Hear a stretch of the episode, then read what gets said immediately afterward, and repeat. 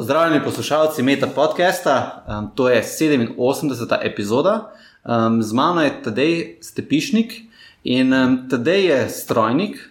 Pred kratkim smo bila tudi kolega na znanstvenem slemu, mislim, da je bil četrti znanstveni slem. Tadej je imel super predstavitev, ki se je začela s takim meni zelo všečnim naslovom. Se pravi, koliko strojnikov rabiš, da opereš perilo. Strojnik, pranje perila. Kako je prišlo do tega? Nisem pričakoval, da bom prav operirал, to lahko tudi kar tako povem. Bilo je nekako bolj po, po naključju, da sem padel v to temo. Moram povedati to. Ne. Na koncu konc je v bistvu pravi prijatelj bolj zakompliciran, po mojem, kot bi si kdorkoli mislil. To me je predvsem šokiralo. Sem mislil, da bo lažje, pa da se bom hitreje tega rešil, ali kako bi rekel, pa ni bilo tako. A je bil tvoj mentor potem Mateoš Dular, ki on vem, da se ukvarja s kavitacijo, ko boš tudi kasneje povedal, kaj sploh to je. Ja, lahko. V bistvu je Mateoš bil moj somentor moj uh, mentor je bil Brane Širok. Se v bistvu, mogoče lahko povem že tudi na začetku, kako sem sploh padel v to stvar. Ne niti sam pravne stroje, ampak sam doktorat. Ker sicer sem jaz kot otrok mislil, da bom znanstvenik. Polk sem pa študiral, pa nisem bil nič kaj zihre več, da bom znanstvenik. In sem po diplomi v bistvu iskal zaposlitev v podjetju, zelo v industriji. V Sloveniji imamo določenega velikega proizvajalca pravnih strojev in sem se v bistvu z njimi dogovarjal uh, za delo.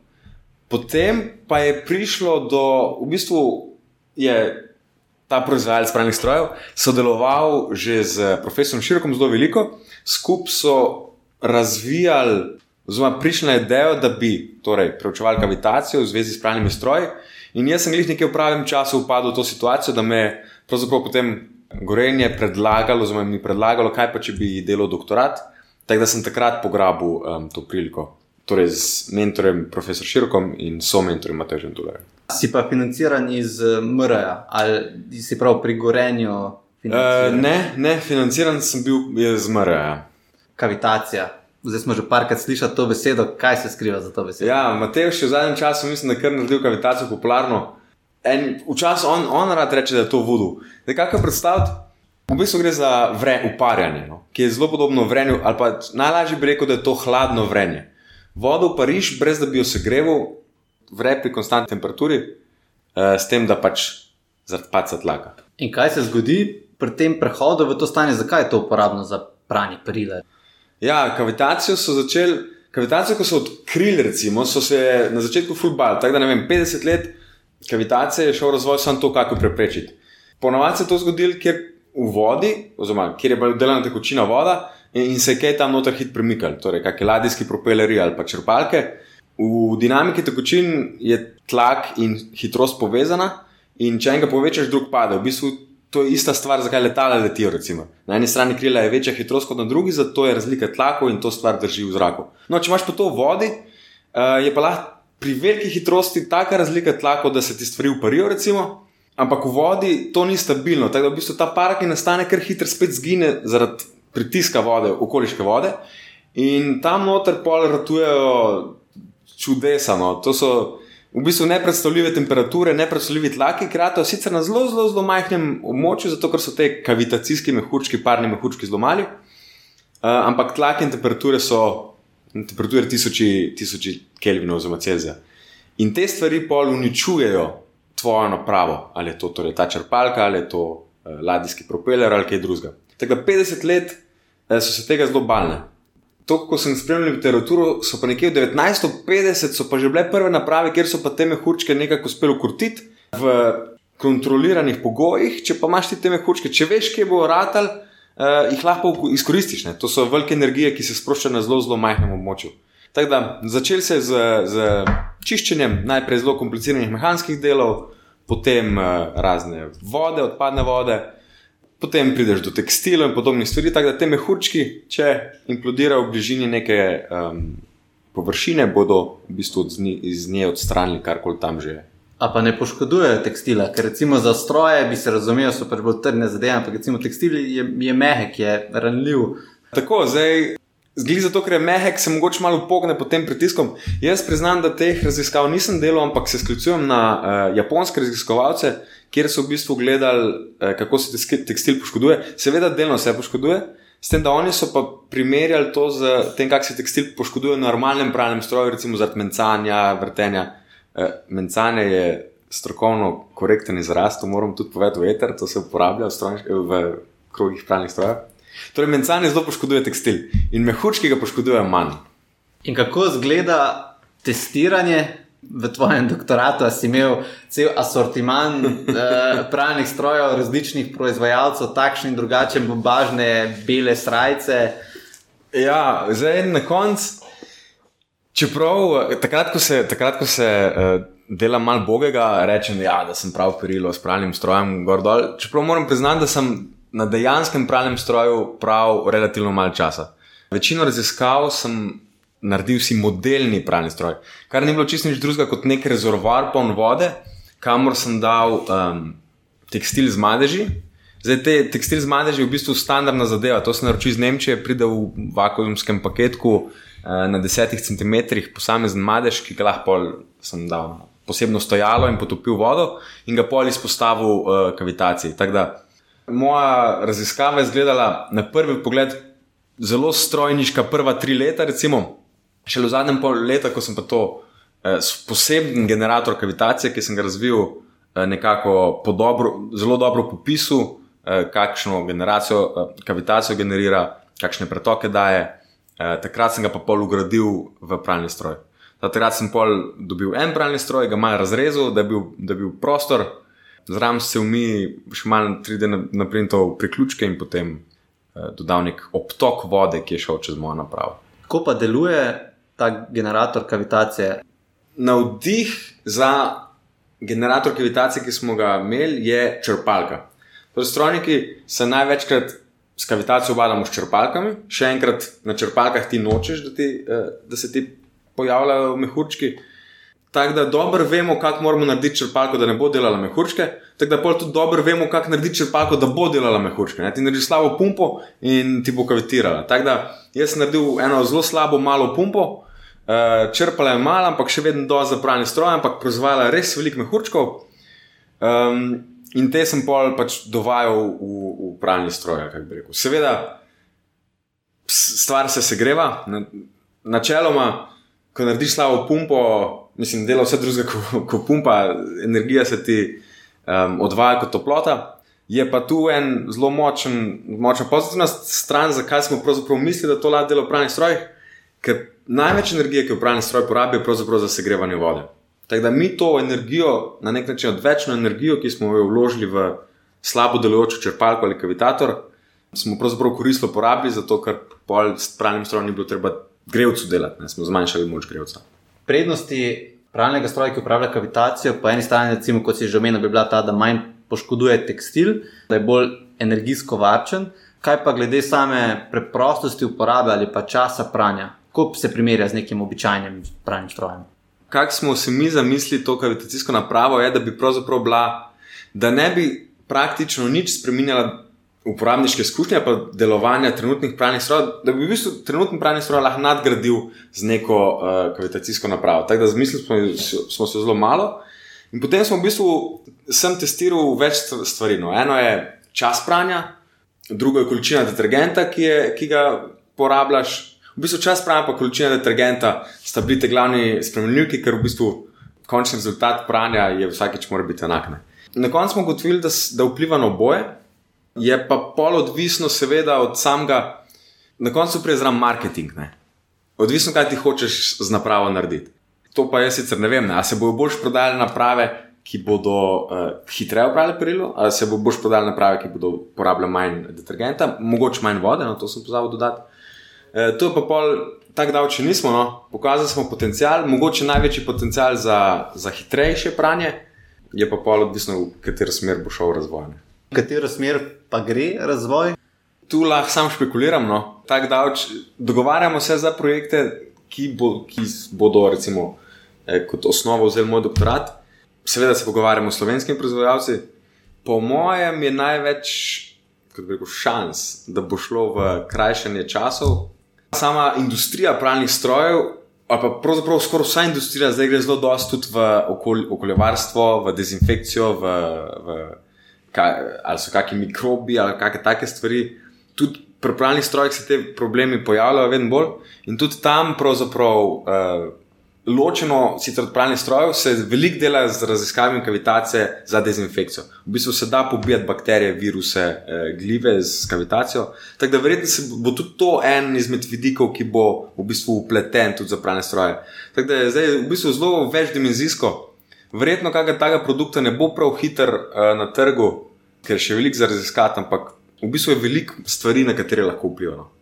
Kavitacija potrebuje detergent, da deluje, ali to se neka dodana vrednost, pa von, encime razgradi. Ne, kavitacija ne, ne potrebuje detergenta, če uspeš, recimo, mehurčke točno dovesti do uh, površine, ki jo čistiš. Pralni, v bistvu, tako sem jaz delal pralne stroje, nisem mehurčko delal direktno zraven cum, ampak mal drugje, tako da potem sem pravzaprav dosti gledal, kako kavitacija vpliva na detergent. Seveda tudi detergent vpliva na kavitacijo, ker znižuje površinsko napetost, stabilizira mehurčke in še eno goro drugih stvari. Tako da na koncu, tako smo si mi zamislili, bomo potrebovali detergent, bo, bo še vedno nujen. Kako pa si ocenil kakovost pranja? kako, je, kako, je, kako je izgledal eksperiment, da si potrdil, da je bilo pa 15% bolje uprano perilo kot pa ste? Ocenjevanje čistosti tekstila gre prek določevanja barve tukaj mi je dosti, strojniki ne vemo, ali pa vsaj energetski strojniki ne vemo prav veliko o barvah. Tukaj mi je zelo veliko pomagala docentka Mateja Kert iz oddelka za tekstilstvo na Naravoslovno-tehnički fakulteti, um, ki mi je tudi posodila, oziroma pri kateri sem tudi imel dostop do uh, spektrofotometra za tekstil. Tako da, načeloma, vse, kar sem jaz mogel narediti, je, da sem prenesel ta madež, ki je bil opran, ga tako štirikrat prepognil in ga dal v napravo, stisnil knof in naprava mi je dala en kup številk.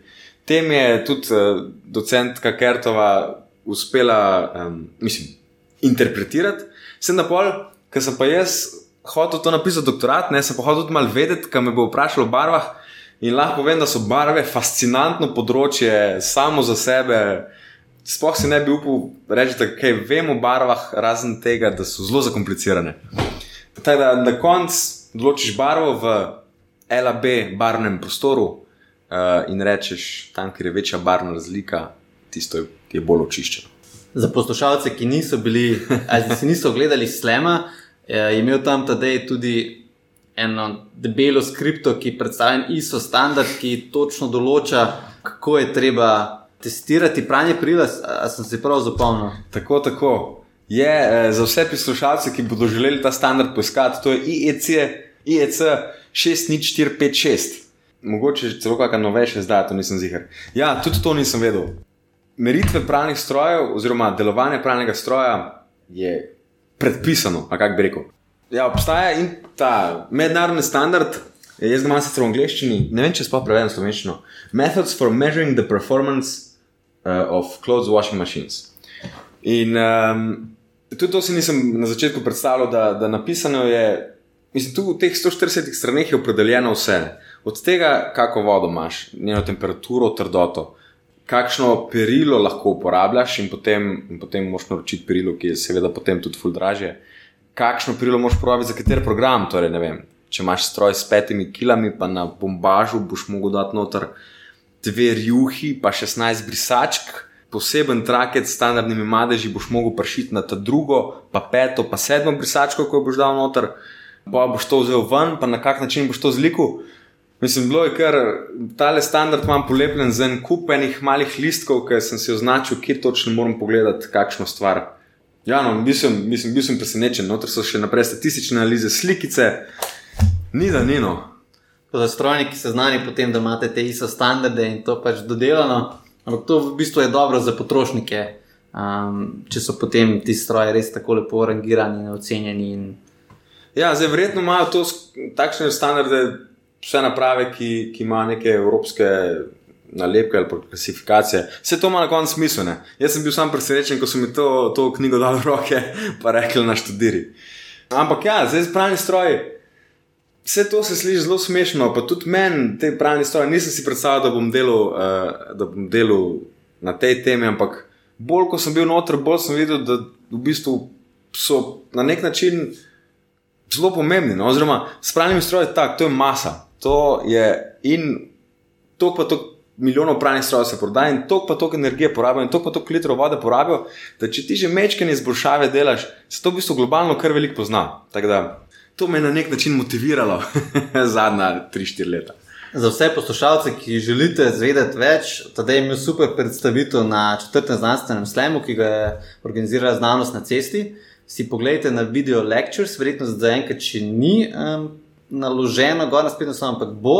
Tako da, um, dajte si to pogledati, super predstavitev, če vas zanima, da zvete še malo na res tak kratek in jedenat način, ki je tudi res dober predstav glede na to, ko si ljudem povedal, da si strojnik, pa da pralne stroje, a imaš kakšno zanimivo in pa zabavno anegdoto uh, za časa svojega doktorata? Anekdot s pralnimi stroji bi rekel, da ni baš velik, zato ker ima ponovadi. Če sem komu povedal, da sem delal na pralnih strojih, je bil odziv bo ne. Ah, ok, pa pa bila tako malo awkward science.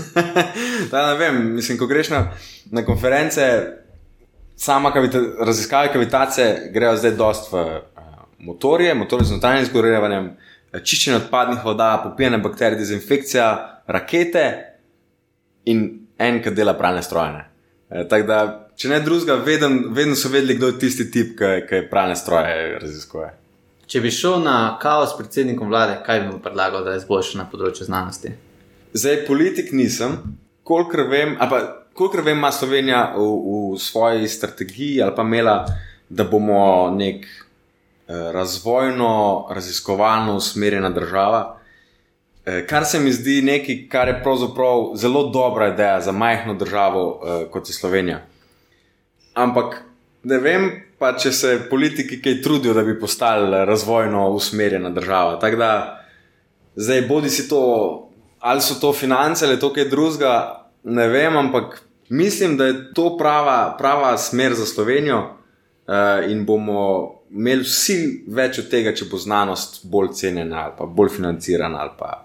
Bi poslušalcem ali pa kolegom priporočil kakšno orodje, mogoče programsko orodje, način dela, ko ga upravljaš, pa karkoli, ki ti je pomagalo, recimo med doktorskim študijem ali pa ga rad uporabljaš.